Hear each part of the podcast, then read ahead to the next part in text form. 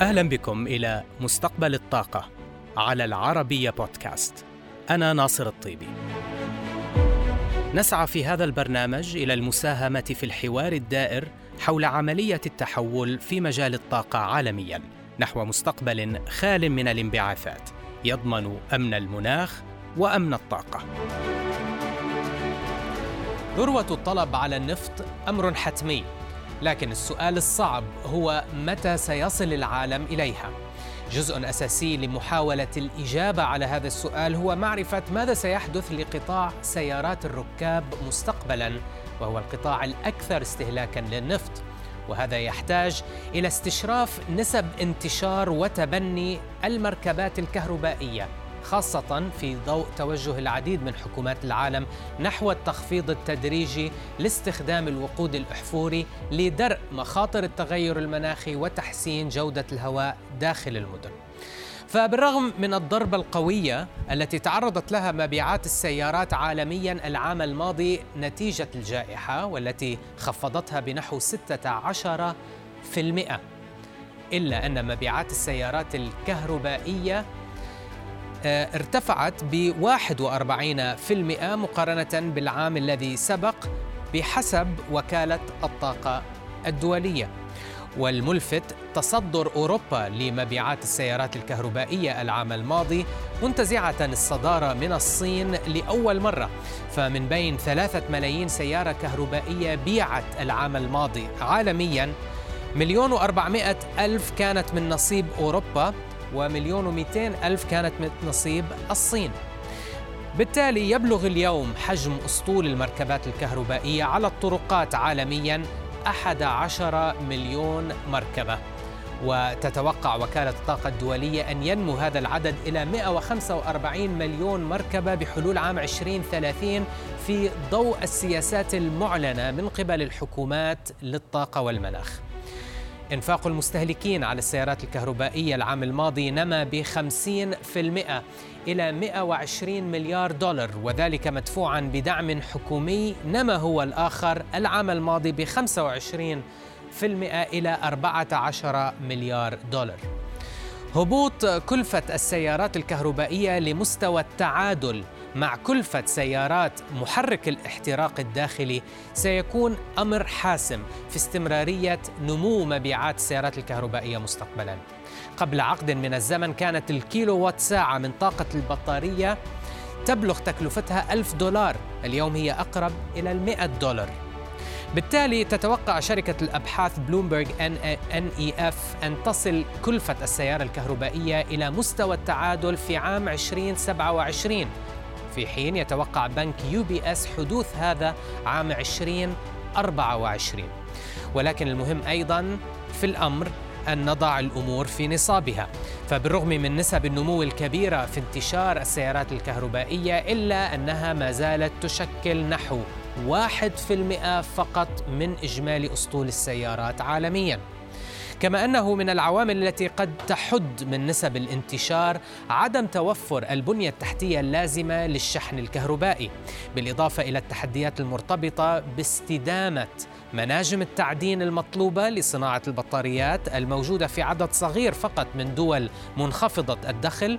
هذا عدا معضلة تدوير البطاريات منتهية الصلاحية والتي تحتوي على مواد خطرة. عادة ما يتم الإشارة إلى النرويج كمثال على ارتفاع انتشار السيارات الكهربائية فيها وهو أمر صحيح. فالنرويج لديها خمسة ملايين نسمة وقامت ببيع أكثر من مئة ألف سيارة كهربائية العام الماضي. ولكن مثال آخر روسيا يبلغ عدد سكانها 145 مليون نسمة فيما باعت العام الماضي 1760 سيارة كهربائية فقط. أمريكا الجنوبية التي يبلغ عدد سكانها 420 مليوناً بيع فيها العام الماضي أقل من 18 ألف سيارة كهربائية. أما أفريقيا والتي تحتضن مليار و200 مليون إنسان بيع فيها العام الماضي نحو 1500 سيارة كهربائية فقط. كلها في دولة واحدة هي جنوب أفريقيا. بالتالي انتشار السيارات الكهربائية سيتسارع بكل تأكيد لأنها تبدأ من نسب أساس منخفضة جدا وسيساعدها على زيادة نسب اختراقها انخفاض تكاليفها وتشديد القوانين البيئية. لكن لا ننسى أن كثير من السيارات الكهربائية التي تباع حول العالم هي سيارات هجينة حتى تلك القابلة للتوصيل إلى الكهرباء. بمعنى أنها لا تزال تحتوي أيضا على محركات احتراق داخلي. لذا ما زال الطريق أمام السيارات الكهربائية طويلا لمزاحمة محركات الاحتراق الداخلي التي ستبقى متسيدة الطرقات لسنوات مقبلة. تكلفة شراء سيارة كهربائية لا يزال أعلى بشكل ملحوظ من شراء السيارة التقليدية على الرغم من الدعم الحكومي في العديد من الدول. لكن هناك مفهوم آخر تستند إليه تنافسية السيارات الكهربائية هو ليس سعر ليس سعر شرائها بل تكلفة اقتنائها على مدى سنوات استخدامها والذي يشمل ما تستهلكه من مصاريف وحتى رسوم المواقف. فما هي محددات تكلفة السيارات الكهربائية وما هي التحديات التي تواجهها الصناعة على صعيد تقنيات البطاريات وعلى صعيد توطين سلاسل إمداداتها؟ أسئلة طرحتها على أنا ماري بيزدن رئيس قطاع تحليل السيارات في فيتش سولوشنز والتي سألتها بداية عن الطلب على السيارات الكهربائية. Uh, لدينا نظرة إيجابية جدا حيال السيارات الكهربائية لهذا العام وأيضا لفترة الأعوام العشرة المقبلة المشمولة ضمن توقعاتنا. فهذا العام نتوقع لمبيعات السيارات الكهربائية أن تنمو بنحو 50% لتصبح نسبة السيارات الكهربائية من إجمالي مبيعات السيارات عالميا عند 5% وأعتقد بأن نسبة الانتشار أو الاختراق هذه هي المؤشر الأفضل عوضا عن نسبة نمو المبيعات. وهذا يرجع إلى أن سوق السيارات الكهربائية ما زالت صغيرة جدا. أما فيما يخص الطلب قمنا بمقاربته من ناحية تقسيمه إلى طلب ذاتي وآخر غير ذاتي. الطلب الذاتي هو النابع من قرارات المستهلكين الذاتية لشراء السيارات الكهربائية بسبب التقنية أو بسبب البيئة أو بسبب رغبتهم باقتناء طراز معين أعجبهم. بالتالي فقرار الشراء الذاتي. أما الطلب غير الذاتي والذي بدأ ينمو بوتيرة أسرع مؤخرا هو الطلب الآتي نتيجة التحفيز الحكومي الإيجابي الداعم لاقتناء السيارات الكهربائية أو الطلب الآتي نتيجة القوانين الرادعة لامتلاك سيارات تعمل بمحركات الاحتراق الداخلي. حيث بدأت بعض المدن بحظر استخدامها أو إعلان بعض الدول عن حظرها بعد عدة سنوات. بالتالي الطلب غير الذاتي هو الطلب المحفز عن طريق سياسات الحكومات لاقتناء السيارات الكهربائية وهذا هو الطلب الآخذ بالتسارع حاليا ولكن أنا ماري ما مدى الانخفاض المتوقع في إجمالي تكلفة اقتناء السيارات الكهربائية على مدى حياتها في السنوات القليلة المقبلة وما هي العوامل المحركة والمخاطر لهذه التوقعات؟ Yeah, we're seeing uh,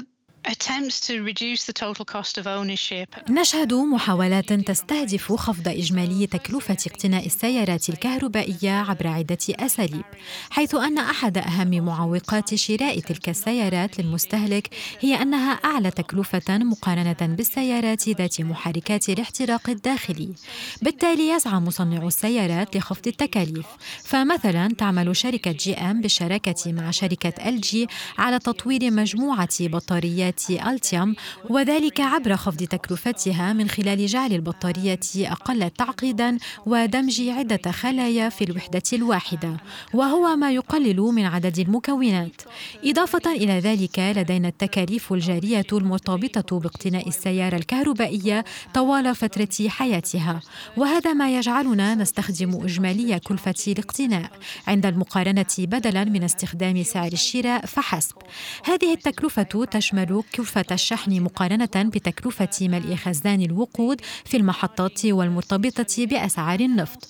كما أنها قد تشمل انخفاض كلفة المواقف مثلا لأن بعض المدن تخصص مواقف مجانية للسيارات الكهربائية كما أن بعض الدول تخصص محفزات ضريبية وبالتالي ينظر المستهلك ليس فقط إلى سعر شراء السيارة فقط بل سيحسب معها أيضا الاختلاف في التكاليف خلال فترة الاقتناء. لأن هناك جهودا حثيثة لخفض كلفة السيارة الكهربائية وجعلها مساوية لسعر السيارة ذات محرك الاحتراق الداخلي. كيف يتفاعل مصنعو السيارات مع ارتفاع وتيرة تبني السيارات الكهربائية على صعيد الطرازات التي يطرحونها وأيضا على سلاسل إمداداتهم؟ وهل ستختلف استراتيجيات المصنعون الكبار مقارنة بالمصنعين الأصغر حجما؟ في الواقع هذا أمر مثير للاهتمام، فقد قمنا بوضع جدول زمني لكثرة الإعلانات التي سمعناها في السنوات القليلة الماضية والتي تسارعت في الأشهر الستة الأخيرة من قبل مجموعات مصنعي السيارات أو بعض العلامات التجارية، والتي أعلنوا فيها عن مستهدفاتهم الزمنية لكهرباء سياراتهم. وقد شملت الإعلانات مواعيد طرح سلسلة طرازات من السيارات الكهربائية أو مواعيد الانتقال إلى بيع السيارات الكهربائية فقط أو مواعيد تستهدف تسويق تلك السيارات حصريا في مناطق جغرافية محددة. بالتالي كل مصنع يسلك هذا الطريق بشكل مختلف. لكن ما تبين لنا بشكل جلي من خلال دراساتنا هو أن مصنعي السيارات الكبار الذين ينتجون كميات ضخمة والذين يريدون التحول إلى السيارات الكهربائية يحتاجون يحتاجون إلى وقت أطول لتحقيق ذلك. وبالتالي ترى أن المواعيد المستهدفة من قبلهم كلها تأتي بعد عام 2030 وذلك بسبب ضخامة حجم إنتاجهم والعدد الكبير للطرازات التي يقومون بطرحها إضافة إلى مدى تعقيد سلسلة الإمدادات التابعة لهم. فبالتالي كل ذلك يتطلب استثمارات ضخمة من قبلهم. أما مصنعي العلامات الفاخرة الأصغر حجما فيبدو أن الجدول الزمني لتحولهم إلى السيارات الكهربائية سيبدأ في وقت أقرب إلى عام 2025 فلدينا شركات مثل فولفو وبوش وأودي تعلن أن نصف مبيعاتها تقريبا ستكون من السيارات الكهربائية في حينها. أما جاكوار فأعلنت أن جميع سياراتها ستصبح كهربائية عام 2025 والجدول الزمني الأقصر هذا يأتي بسبب صغر حجم إنتاج تلك الشركات وقلة عدد طرازاتها ومرونتها الأعلى ولا يفوتنا بأن جميعها تبيع منتجات فاخرة ذات هوامش ربح أعلى مما يتيح لها فرصة استرداد جزء أكبر من تكاليفها بفترة زمنية أقصر. أما من جانب سلاسل الإمدادات فنرى هناك تغييرات كبيرة جاءت نتيجة للضرورة التي أحدثتها الجائحة. ففي بدايات الجائحة تعطل الإنتاج لدى شرائح كبيرة من الصناعة الصينية بسبب الإقفالات بداية العام الماضي. وهذا ما كان له بالغ الأثر على صناعة السيارات عالميا وخاصة السيارات الكهربائية التي بدا واضحا درجة اعتمادها الكبيرة على الصين وبعض الدول آسيا الأخرى خاصة في مجال المكونات الرئيسية للبطاريات. وقد نتج عن هذا الإدراك استثمارات ضخمة خلال الأشهر الستة إلى الاثنى عشر الماضية في توطين سلاسل إمداد البطاريات في أوروبا وأمريكا الشمالية. وقد أحدثت هذه الاستثمارات حراكا لدى الصناعة ليس فقط على صعيد طرح الطرازات الجديدة بل لضمان نفاذها المتواصل إلى سلاسل الإمداد تلك. بالحديث عن البطاريات وهو موضوع مهم أنا ماري ما هي أبرز تقنيات بطاريات السيارات الكهربائية اليوم وما الذي سيحدد التقنية الفائزة؟ Uh, هناك عدة تركيبات كيماوية مختلفة للبطاريات. أعتقد أن أبرزها اليوم هو تقنية النيكل والمنغنيز والكوبالت والمعروفة باسم بطارية NMC.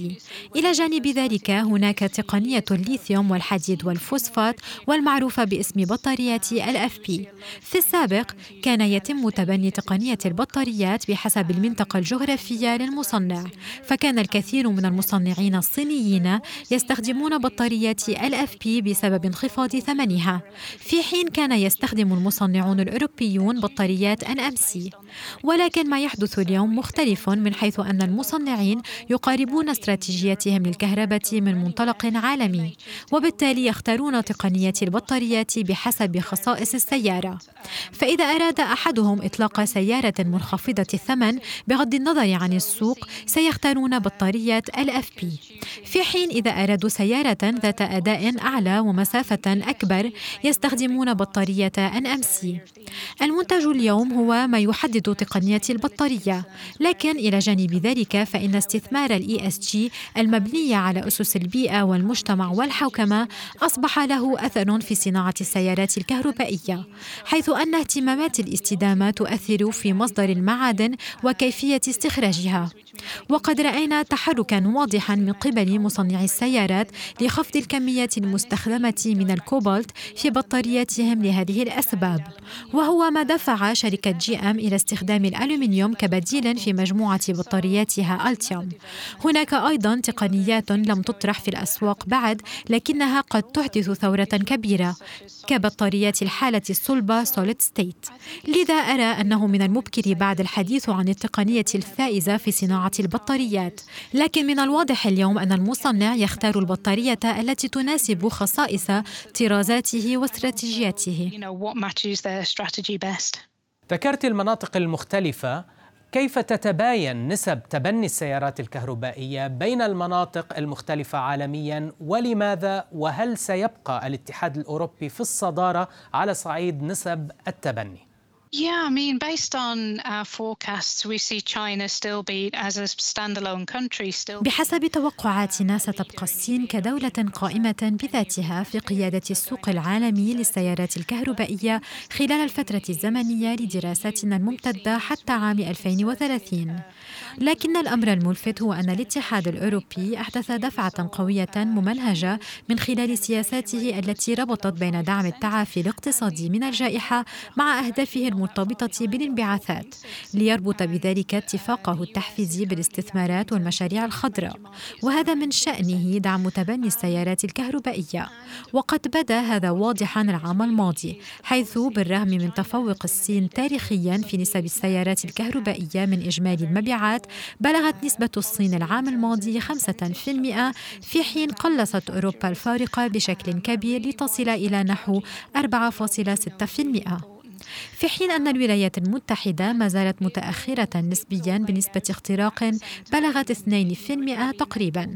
وما يقود الأداء الأوروبي اليوم هي السياسات الحكومية كما أن ما قاد الأداء الصيني في السنوات السابقة هي أيضا سياسات الدعم الحكومية والتي حفزت المستهلك والمصنع واستحدثت شبكة شحن واسعة.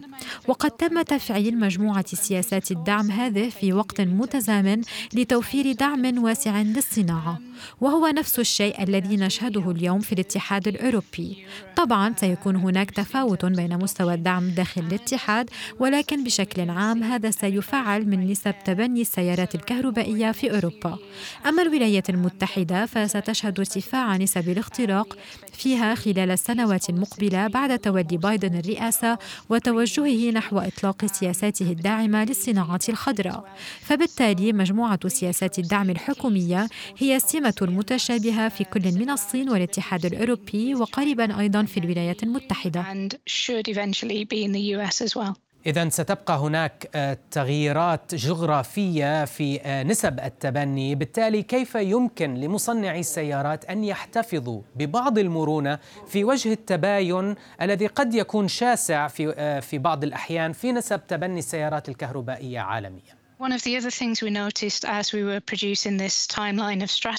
ما تنبهنا له عندما كنا نرسم الجدول الزمني لإعلانات شركات السيارات أن بعض المصطلحات المستخدمة في الإعلانات كانت مبهمة بعض الشيء. فمثلا بعضها استخدم مصطلح كهربت وهو مصطلح يتضمن السيارات الكهربائية الشاملة إضافة إلى السيارات الهجينة ذات المحركات الكهربائية الخفيفة.